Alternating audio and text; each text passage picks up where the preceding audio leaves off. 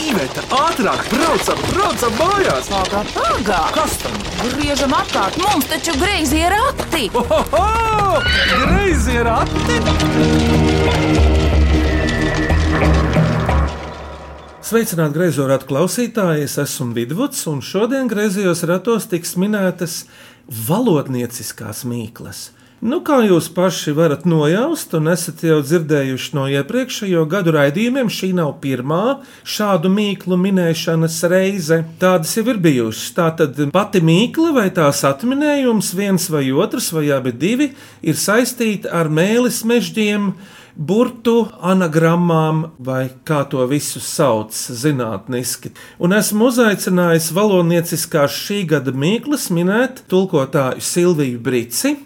Par valodu un tulkošanu ir dzirdēti daudz teicienu, lasiet aforismu grāmatās. Nu, piemēram, cik valodu tu zini vai pārzini, tik dzīvju tu dzīvo. Nu, ko es te turpināšu, Silvija? Labdien, sveiki! Labdien! Nu, un tad pastāsti par sevi. Tu esi tulkojusi daudz ko, bet tu esi arī uzrakstījusi baigās piezīmes, ko es tiešām izlasīju pirms šīs sarunas ar tevi. Vai tu par tām vēl vari kādu vārdu teikt? Tā ir tā kā dienas grāmata, tā kā pārdomas. Jā, man liekas, ka tur jau viss ir pateikts. Tur tas āķis, un es nevaru apcerēt šīs piezīmes, jo tādas tās tiešām ir. Tās ir tikai piezīmes, pārdomas. Savā ziņā noteikti arī dienas grāmata, sevišķi tā daļa, kas ir par jūru un saulēktiem. Tā tiešām ir dienas grāmata. Nu, tas ir tāds nejauši piedzimis bērns, jo liela daļa no šiem ierakstiem sākumā parādījās Facebook, kur izveidojās interesantu un cienītāju lokus, kas bija ļoti pārsteidzoši. Vēl jau lielāks pārsteigums man pašai bija, ka apgādes zvaigznā ABC nolēma to visu izdot grāmatiņā. Te nu tā ir. Tu esi to nosaukusi par baigajām piezīmēm. Tev vispār ir kāds komentārs par šo nosaukumu? Nu, jā, es esmu baigā rakstniece, kas ir sarakstījusi baigās piezīmes. Tas arī viss. Ir stilīgi. Nu, man te arī daži baigi jautājumi tev. Nu, piemēram, šis. Tu tur mini, kā Šekspīra divrindi var pārtulkot desmit un simtu desmit dažādos veidos. Un tu esi minējis, tur krievu autors tik tiešām lielākā daļa šo autoru ir izvēlējušies nevis pārcelt Šekspīra garu un burtu, bet viņi, piemēram, piegājuši ļoti egzaltēti ar izsaucieniem. Oh! Ko es te gribēju ar to pateikt? Vai pēc Šekspīra tekstiem Gan pēc dzīslas, gan lugām var pateikt, ka Šekspīrs to ir rakstījis. Nē, to nemūžam neviens nepateiks un neuzzinās nekad. Bet es domāju, ka var veikt šos arheoloģiskos vai lingvistiskos izrakumus cilvēks, kurš to dara azarta dēļ un kuram tā ir spēle savā ziņā meklēt pirmavotu. Bet, godīgi sakot, es neticu, ka to var noskaidrot. Un galvenais man šķiet tas, ka šie daļdarbi vispār pastāv, lai būtu, ka tas ir Šekspīrs. Man ļoti patīk šis nopaļojums zem Šekspīra vārda, visām viņa lugām un viņa sonetiem brīnišķīgi. Ko nozīmē nopaļojums? Nopaļojums iekļaujot tajā visu, kas pēc dažu cilvēku domām tikai hipotētiski pieder Šekspīram. Bet man personīgi nav iebildumu, ka tas tiek uzskatīts par Šekspīra darbu. Interesanti, jā, paldies! Par dramaturgiju, par lugām. Tu esi tulkojusi dramaturgiju. Jā, es esmu tulkojusi tādu mazpazīstamu lūgu kā Heinricha von Kleista saplēsto krūzi, ko pirms sērgas grasījās uzvest viens no mūsu teātriem, bet tad mēs visi saslimām un viss aizgāja bojā. Un otra, Tulkojums gan palika. Tulkojums, protams, palika. Nav vairs tie laiki, kad es viegliprātīgi uzrakstīju ar rakstāmašīnu vienu eksemplāru, un ja tas pazuda, tad uz visiem laikiem. Un otra no pēdējā laikā tulkotām lugām ir Šillera, Viltus un Mīla kas gan bija latviešu tulkota, bet viens no mūsu teātriem vēlējās jaunu tulkojumu. To viņi arī dabūja. Un tas arī Covid dēļ joprojām nav kustējis no vietas. Tā kā ar lūgu tulkošanu man diemžēl ir drusku bēdīga pieredze, un es arī to esmu darījusi azarta pēc beigu beigās, tā kā tie Šekspīra pētnieki. Tu minēji Friedrichu Schilleru, redz, Gēta pie mums ir tulkots vairāk kā simt gadu laikā krustu šķērsu. Šillers gan man liekas mazāk, bet viņš taču arī ir domātājs. Tev ir kāds komentārs par Šilleru? Viņam arī pieder vairākas labas domas un atziņas. Nu, abiem diviem jau pieder, bet āķis ar Gēti un Šileru ir tas, ka katram tomēr ir savs stils, un katram šī patētika, tevis pieminētā, ir dažādā pakāpē un ar dažādu, teiksim, pasaules izjūtu. Viņi bija atšķirīgi šajā ziņā. To savā laikā ļoti brīnišķīgi pamatoja un savos priekšlasījumos izklāstīja Valdis Bisenieks, kuru es bezgalīgi cienu. Un viņš bija patiesi iedziļinājies abu divu šo dižgaru daļradē un arī pats daudz atzējojis, tāpēc viņam bija ko teikt. Un eh, dziļas domas ir abiem, lai gan Šillers salīdzinājumā bija krietni jaunāks cilvēks nekā Gēta ar savu garo mūžu. Bet atziņas bez šaubām ir abiem, un pat tāda luga kā viltus un mīla, jeb tradicionāli mīla un viltus, sagādā vielu pārdomām, lai gan autors to laiku ir visai jauns. Nākamais jautājums var izraisīt subjektīvu atbildi. Ko tu ieteiktu izlasīt vienai, otrai, trešai un varbūt pat ceturtajai paudzei. Kāpēc nē? Mēs varam sadalīt cilvēku mūžu četrās paudzēs no tulkojumiem. Ne tikai no saviem, bet arī vispār no tavā bagāžā esošajiem tulkojumiem latviešu. Jā, tur noteikti ir ko ieteikt daudz vairāk nekā tagad sacīšu es. Tomēr ir dažas grāmatas, ko es pēdējā laikā esmu izlasījusi, un kas, manuprāt, katrā ziņā ir lasīšanas vērtas. Varbūt šim momentam aktuāls. Nu, ir jau mūžīgas tēmas. Visi bērni visā pasaules vēsturē ir un paliek bērni. Un viņiem būtu jālasa kaut kas tāds, kas rosina un, sacīsim, kairina viņu fantāziju Un es pati lasīju savam mazdēlam priekšā pilnīgi brīnišķīgu grāmatu. Maimas Grīnbergas tulkojumā Andrusa Kivreka, Oskars un Lietas. Mums bija bijušas ar puisi septiņgadīgu problēmas. Viņam nebūtu negribējās klausīties visu, ko es tagad viņam vakarā lasīšu priekšā. Bet Oskars un Lietas, kas ir samērā bieza grāmata, aizrāva viņu pilnīgi un galīgi, un arī pašu priekšā lasītāju, proti, mani. Lieliska grāmata. Kā, manuprāt, viss, kas ir Kivirekam. Runājot par jauniem pieaugušajiem, kā, kā tagad mēdz teikt, par jauniem cilvēkiem, manuprāt, tur izklaides pietiek jau tāpat, un varbūt derētu izlasīt kaut ko tādu, kas parāda, ka dzīvē iespējams ir viss, ja vien tu to vēlies. Un tāda grāmata ir nesen iznākusi Tāras Vestoveras grāmata Izglītotā. Tāra Vestovera ir jauna sieviete, man šķiet viņai 30 gadu tagad tikai vai pat vēl nav. Mm -hmm. Viņas dzīves gājums ir pilnīgi neticams, ko viņa ir aprakstījusi. Ka... Pati autora savu dzīvi. Pati autora savu dzīvi varētu jautāt, kas tad nu, tādos gados vēl būtu, ko milzīgi rakstīt. Bet tas ir ceļš no sacīšu atpalikušas un, un aizspriedumainas mormoņu ģimenes Amerikas vidienē līdz Kembridžas universitātei un doktora grādam.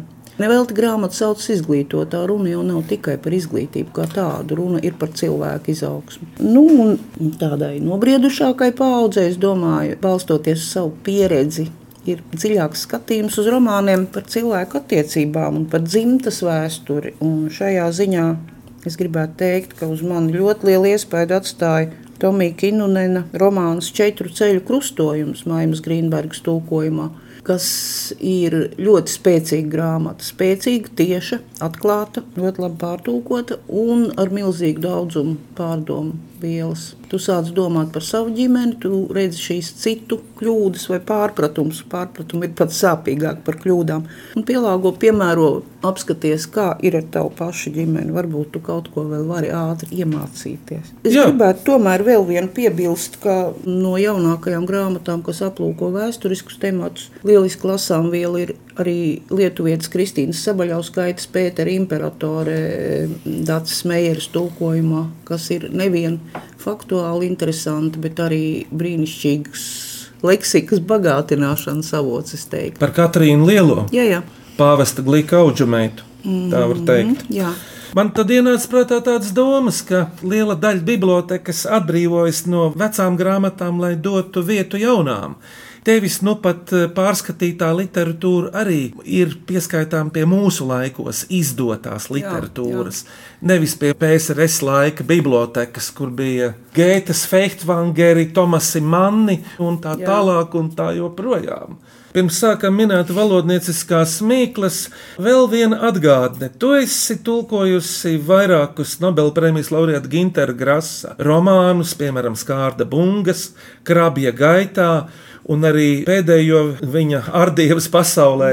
Tev ir prātā, ko tu no viņa, tu esi ar viņu tikusies, esi guvusi kādu atziņu. Katrā ziņā to, ka, lai paciestu pasauli, vajag būt pašironiskam. Tikai pēc tam ironiskam pret pasauli, bet pašironiskam. Tas ļoti palīdz. Un tas spilgti parādās arī pēdējā grāmatā, ko tu pieminēji, kas tiešām ir pēdējā.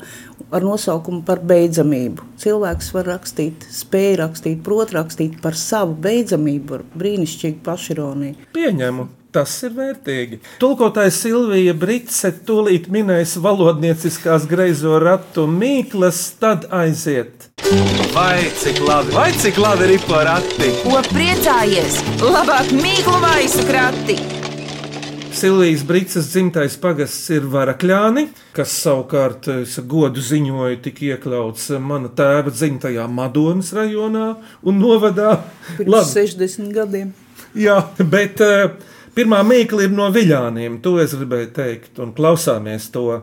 Mani sauc Māris Klaučs, un esmu fizioterapeits no Vidāniem. Mīkliņa ir šāda. Ir divi draugi, ķips un loks. Kad tie satiekās, vīrusi aizlaižās. Kas tas ir? Ķiploks. Uzmanīts! Paklausāmies īsto atbildi. Un pareizā atbilde ir ķiploks. Varēja teikt arī loks un ķips. Labi, labi, labi. Turpinājumā sešas mīklas no liepainieka Gunara Gūžas. Kas kopīgs kalējam un vistai? Viens klaudzina, otra klaudzina. Lielisks domu gājiens. Bet kas viņu abu saimniecībā? Darba telpā ir kopējs. Lakta, lakta. Uzmanīts! Tā ir lakta. Ja tev, Silvija, ir kāda valodnieciska piebilde, kāda sinonīmija vai kaut kas tamlīdzīgs, tu vari droši jaukties iekšā. Bet šoreiz pietiek ar laktu. Jā? Tā tad nākamā Gunāra Mīkla. No vienas puses tā ir māja, kur ražo medu. Tu zini, kas ir māja, kur ražo Jā, medu? zinu. Kā to sauc? Strops. Jā, bet no otras puses tā ir fiziska, aktīva nodarbība. Sports. Uzmanīts! Tā tad, ja vārdu lasa no vienas Jā. un no otras puses, Jā, sapals, tad arī ēda tīras lapas. sapals, Tad arī ēda tīras lapas. Tieši tas pats iznāk lasot no beigām. nākamā Gunāra Mīkla. Viens pats skanis I ir savācis ap sevi septiņus līdzskaņus un izsprāgs no ugunskura, kad tajā kaut ko iemet. Spriksts, Tas rodas arī uzšļot sērkociņu. Kas tas ir? cirksts. Jā, uzmanīts! Baigās, tavā grāmatā baigās piezīmes, kā es šodien nosmējos lasot. Kā lidmašīnā tas armēnis, tu viņam pateici, nu atgādini to, kā jūs apmainījāties ar komplimentiem. Jā, es teicu, Frunziks Makrķjans, un viņš teica, Vijārķibāne, un tā tiešām bija. Un saprot, un katrs pasaka divus Jā, ko teikumus, zina? un kontakts ir uzreiz. Gatavs viss. Jā, un Makartačjans arī ir gandrīz tā pati līdzskaņu savāktuve. Jā? jā, jā. Lūk, tā kā PSRS tauta saime rulē. jā. Ejam tālāk. Kas ir atadamāda? Adāma Adata. Uzmanīts! Tā ir pati Adāma adata tikai no otra gala. Adāma adatas, kā zināms, ir tādas pašas vienkāršas adatas, tikai lielākas. Ja, Jā. pēc? Bez acis. Bez acis. Bez acis? Tā tad aklas. nejaukt ar lielacainām adatām. Vēl viena mīkla no Gunāra Gūžas. Kas istabā nosaka, ka te kaut kur ir izlietis piķis? Istabā, kas nosaka? Ka te kaut kur ir Ķipis. Ķipis ir pirtī, bet kas ir istabā par piķi? Tepiķis. Uzmanīts! Tepiķis ir. Te, uh, tepiķis un tur piķis. jā. Nezinu, kā cēlies, uh, ir paklājis. ir- Vācu, vācu tepiķis. Vācu vārds, mm -hmm. tepiķis. Nu, redzi, mēs zinām tagad. Taču simtiem latviešu vārdu ir, piemēram, ķemme. Vai daudz, daudz kas ir. Jā.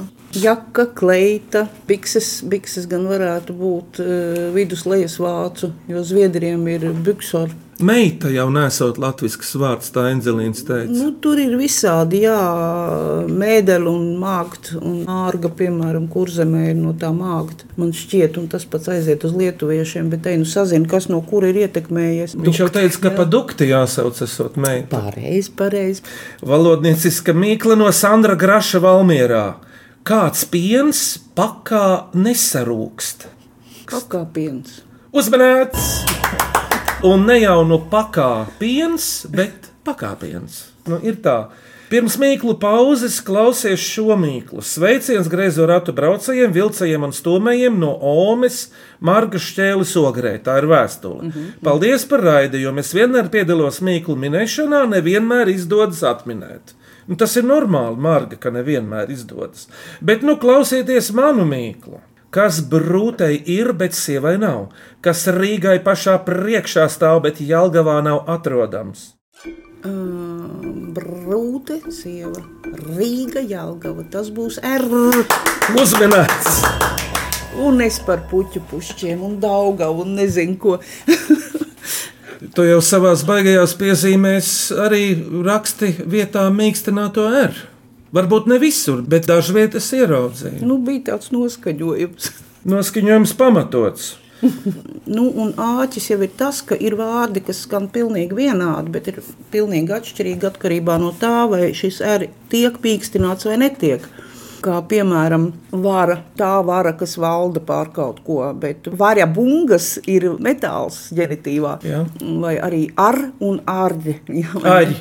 Jā, ar. Tā kā vārdiem mainās nozīme, lietojot šo mīkstināto R, bet, kā mēs redzam, visi lieliski iztiek un neputrojas nozīmē arī bez mīkstinātā R. To var kādreiz stila labad izmantot vai noskaņojuma dēļ, bet, diemžēl, tas ir aizgājis pagātnē tāpat kā CH apzīmējot skaņu H. Kalnā kāpu lūkoties, kas aļ manu tēvu zemi. Lūk, Proti, ar Lūk. arklu. Lūk. Jā.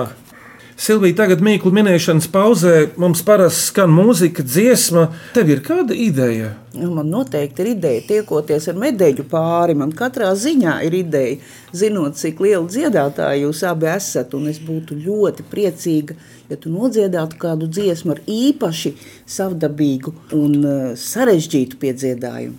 O, man ir viena tāda prātā. Dziedam! Sieviņa turēja kudlainu azīt, sieviņa turēja kudlainu azīt. Ai, dinga, dinga, mazirai sadelā jutstīšam, bervim, bezčūdi, tūdi, man sāzītis kudlainais. Ielēca azītis kāpostu dārzā, ielēca azītis kāpostu dārzā. Ai, dinga, dinga, mazirai sadelā jutstīšam, bervim, beršūdi, tūdi, man sāzītis kudlainais. Noēda azītis baltus kāpostus, noēda azītis baltus kāpostus. Ai, dinga, dinga, mazirai sabelā jutstīšam, bervim, beršūdi, tūdi, man sāzītis kudlainais. No kāva sieviņa kudlainu azīt, no kāva sieviņa kudlainu azīt. Ai, dinga, dinga, mazirai sabelā jutstīšam, bervim, beršūdi, tūdi, man sāzītis kudlainais. No vilka sieviņa azītim ādu, no vilka sieviņa azītim ādu. Ai, dinga, dinga, mazirai savelā jutstīšam, bervim, beršūdi, tūdi, man sāzītis kudlainais. Pārdeva sieviņa azīša ādu, pārdeva sieviņa azīša ādu. Ai, dinga, dinga, mazirai savelā jutstīšam, bervim, beršūdi, tūdi, man sāzītis kudlainais. Nopirka sieviņa baltu nēsdogu, nopirka sieviņa baltu nēsdogu. Ai, dinga, dinga, mazirai savelā jutstīšam, bervim, bezšūdi, tūdi, man sāzītis kudlainais. Iveta un Vidvuds nodziedāja īpaši valodnieciski muzikālu mīklu. E, Pēc Silvijas Brīses daļradas tulkotājas ieteikuma, kurš šodien griezos ratos, min greizo ratu pusgada valodnieciskās mīklas. Vēl virkne šo mīklu. Vai cik labi, vai cik labi ir porati? Ko priecājies? Labāk mīklu maisu krati! Nākamo mīklu uzdod filoloģija Elfrīda Krūmiņa. Viņa jautā, kurš vārds literārās valodas vārnīcā rakstīts nepareizi? Vai die? Man liekas, tur vairāk ir rakstīts nepareizi. Tagad ir izmisīgs brīdis. Tagad mm -hmm. tev ir uh, vienkārši jāķeras pie katra garām peldoša salmiņa. Vārds. Kurš vārds vārnīcā, nu, latviešu valodas vārnīcā, ir rakstīts nepareizi? Nu, tad jau būs tas pats nepareizi. Uzmanīts! Tas bija vienīgais, kas man vispār rēgojās smadzenēs. Silvija, tāds biezs jautājums par vārnīcām, kuras arī visbiežāk ir biezas, kā biezeņi. Par tām tu vari teikt kādu vārdu. Jā, es varu vienu biezu vārdu. Biezs teikt. temats, bet saki kaut ko vai no pašironisku, biezu, trāpīgu vai modernu. Nu jā, bez vārnīcām ik viens tūkotājs ir kā bez rokām. Jā, mums ir internets, jā, mums ir internetu vārnīcas un google un visādi brīnumi, un tomēr ir lietas, ko es atrodu tikai vārnīcās. It īpaši, ja man ir kaut kas jāstilizē uz 18. gadsimtu, 19. gadsimtu, jo tad es skatos, piemēram, Ulmaņa un Brāžes eh, vācu, latviešu, latviešu vācu vārnīcā, kur leksika apbrīnojami atšķiras no mūsdienu leksikas un var ieraudzīt visādus brīnumus, bet galvenais var ieraudzīt vecas vārdu formas, ko tu vari izmantot, ja tev vajag attiecīgā laikmeta stilizāciju. Un tāpat arī nereti ir vieglāk atrast sinonīmus, piemēram, augu nosaukumiem. Augu nosaukumu vārnīcā, kāda mums latviešiem arī ir. Ir milzīgas problēmas, ja tev tūkojumā gadās eksotiskas zīves, jo daudzām no tām nosaukumu latviešu nemaz nav. Tad tu vari ļauties dzinieces talantam. Tam jau es ļaujos nemitīgi, jā. Ne jau velti. Tulkotāji var salīdzināt, ka viņam viena pasaule ir jāpārceļ otrā pasaulē. Ejam tad tālāk. Kornelija Šlāpina Jālgavā. Laba diena visai kompānijai. Vai cik biedrisks sveiciens. Šoreiz viegla mīkla, bet pagara. Viņš tautas dziesmās jāiztaltā zirgā.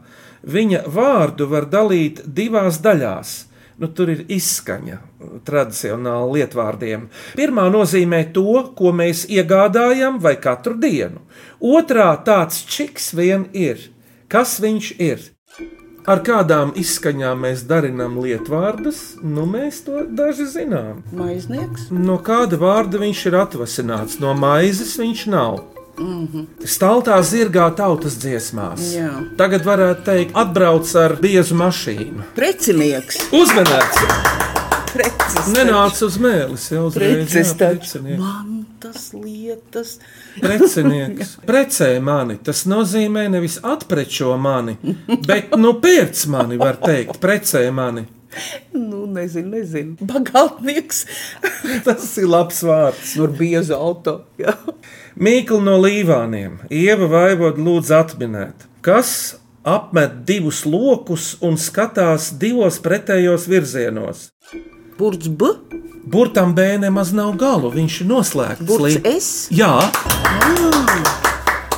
Vispār burts es skatās divos pretējos virzienos. Tā ir. Burts īsi skatās pārāk pretējos virzienos. Tam ir apakša un augša. Jā, ja tā ņem tieši es, jā, citiem tāds joks nesanāk, jā, pareizi. Guntis Priekulus ar šādu mīklu. Kādus vīrus neskar vīrus?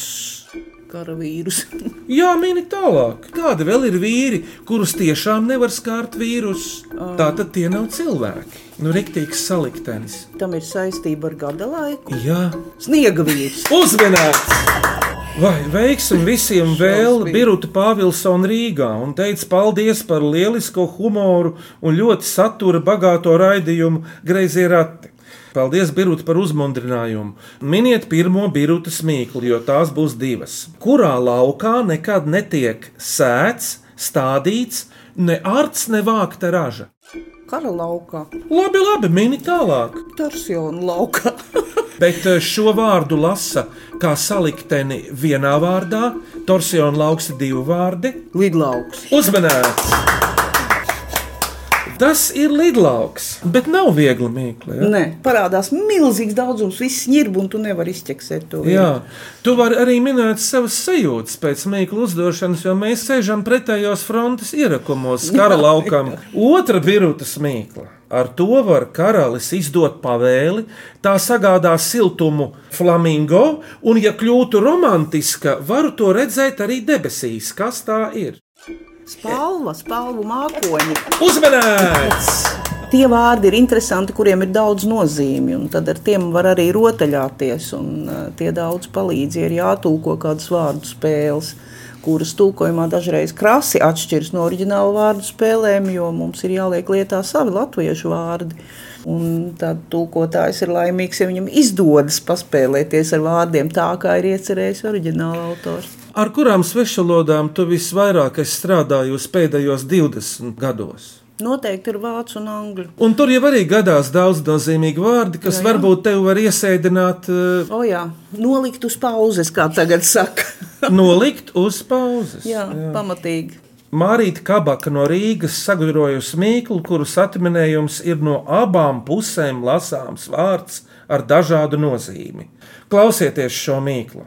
Ūdeņu ieskautas zemes mātes meitas nosauktas vārdos, kas tieši un atgārni vienādi skan. Salas. Uzmanīts! Otra Mārītas Mīkla. No vienas puses tie ir mitoloģiski vēstījumi par seniem laikiem, vietām un notikumiem, bet no otras pieklājīgs vaicājums pēc atbildes. Folkloras žanrs. Teikas sakiet. Uzmanīts! Teikas sakiet man stāstu par to, kā izcēlās Babītas ezers. Jā. Nu, apmēram tā. Kas tev no folkloras, no vēstītāja ir bijis tuvāks kopš bērnu dienām? Un droši vien jau pasakas, un vairāk nekā teikas, jo teikas man šķiet drusku pārāk lietišķas, nereti. Bet pasakās, tad nu, var ļaut vaļu fantāzijai. Man atkal teikās, patīk tas krimināli, slepkavnieciski, O, jā. baigā pusnakts. Tu saproti, ko Jā, es jā, domāju? jā, jā, ja? jā. Baiguma nokrāsa. Jā, vilkaču teikas, piemēram, tās. Vēl trešā mārītas mīkla, ja tie paredzēti dzīvniekiem, tie sastāv no siena. Ja cilvēkiem, tad no vārdiem, bet cilvēka sejā tie pauž rakstura iezīmes. Oho, sastāv no siena? Varētu teikt, ka tas ir siena. Panti, panti. Kā tu tiki pie šī? Ir pareizi es uz, atminēts. uzķēros uz vaipstiem, pie kuriem es turēju kādi vaipsti, un tad es sinonīmu atcerējos, un tad jau aizgāju. Tātad siena panti, likumu vai dzējas Jā. panti un sejas panti. Jā. Un tagad klausāmies šīs dienas pēdējo mīklu. Es esmu Rigmora Kazaka. Es dzīvoju aizputē un gribētu uzdot mīklu. Esmu apdzīvota vietiņa, ja noti man vidū spraudīsi, ar draugiem mani baudīsi. Tas ir lietvārds vai īpašvārds? Lietvārds. Miests, miestiņš. Miests, miestiņš, bet eh, vārdam miests iesprāud vidū noti, lai tas pārvērstos par ēdienu sinonīmu. Mielasts. Jā, vidū ir nots, Jā, la, jā. un mielas apzīmē vispār klātu galdu. Jā, Šodien gan ir bagātīgs mielas, trīs ēdienu, dzērieni un vēl limonādi. Bet paklausāmies no Rigmauras, vai tas tiešām tā ir. Pareizā atbilde ir miests, la un mielasts. Pirms tulkotāja Silvija Brīse nominē valodnieciskāko mīklu viņas Silvijas prātā, lai skan Reizeknas folkloras kopas vīteri Rutku polka.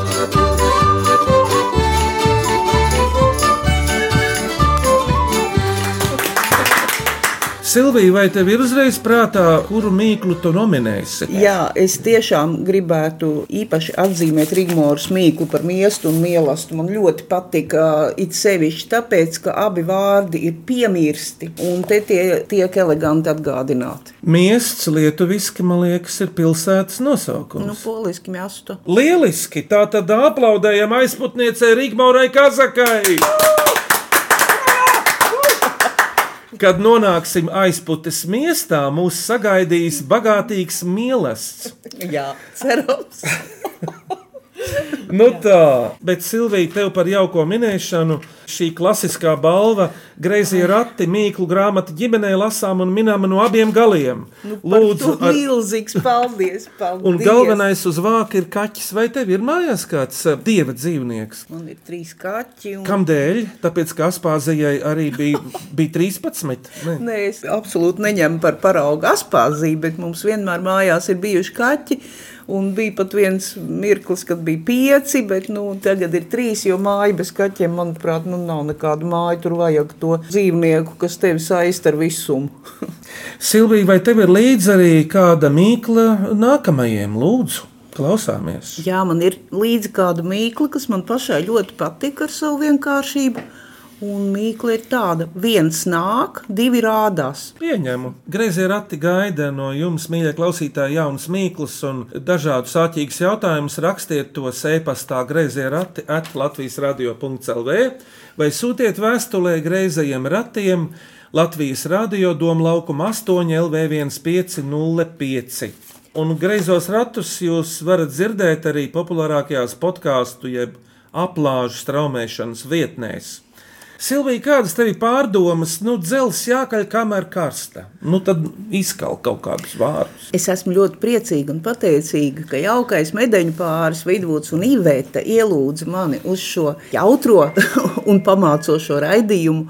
Es tiešām priecājos par to, un šī bija ļoti neparasts uh, pusstunda manā mūžā. Parasti es ar kaut ko tādu nenodarbojos. Tieši neparasti ir interesanti. Jā. Neparasta. Un klausītājiem es no sirds novēlu daudz lasīt un sajust valodas burvību un ieraudzīt, kā ar valodu var rotaļāties. Un vēlreiz paldies tiem, kas atcerēja un uzdeva šīs lingvistiskās mīklas. Silvija, ko tu vēlētos iztulkot? Varbūt tev ir kāds sapnis? Nē, man nav sapņu, man sapnis ir atvaļinājums. Kurā varētu tapt kādas dienas grāmatas un piezīmes? jā, jā, jā, jā, labāk parakstīt piezīmes un palasīt neobligāto literatūru. Un šī mūsu jaukā tikšanās notiek Jūrmālas centrālajā bibliotekā Dubultos. Mēs visi trīs gribam sirsnīgi pateikties bibliotekai par pretimnākšanu. Es te esmu bieži viesis, un man ikreiz ir milzīgs prieks, ka es atrodos šeit, šajās saulēnajās un gaišajās telpās pie šiem jaukajiem cilvēkiem. Paldies! Paldies! Tulkotāja Silvija Brīsē minēja griezo ratu gada valodnieciskās mīklas, skaņu režijā Rēnis Budze un Vidvuds Medenis, kurš arī kopā ar savu kolēģi Ivetu vadīja šos griezos ratus. Uz sadzirdēšanos grazījā rati atkal skanēs šajā pašā laikā pēc nedēļas, 10.25. Uz redzēšanos! Uz redzēšanos.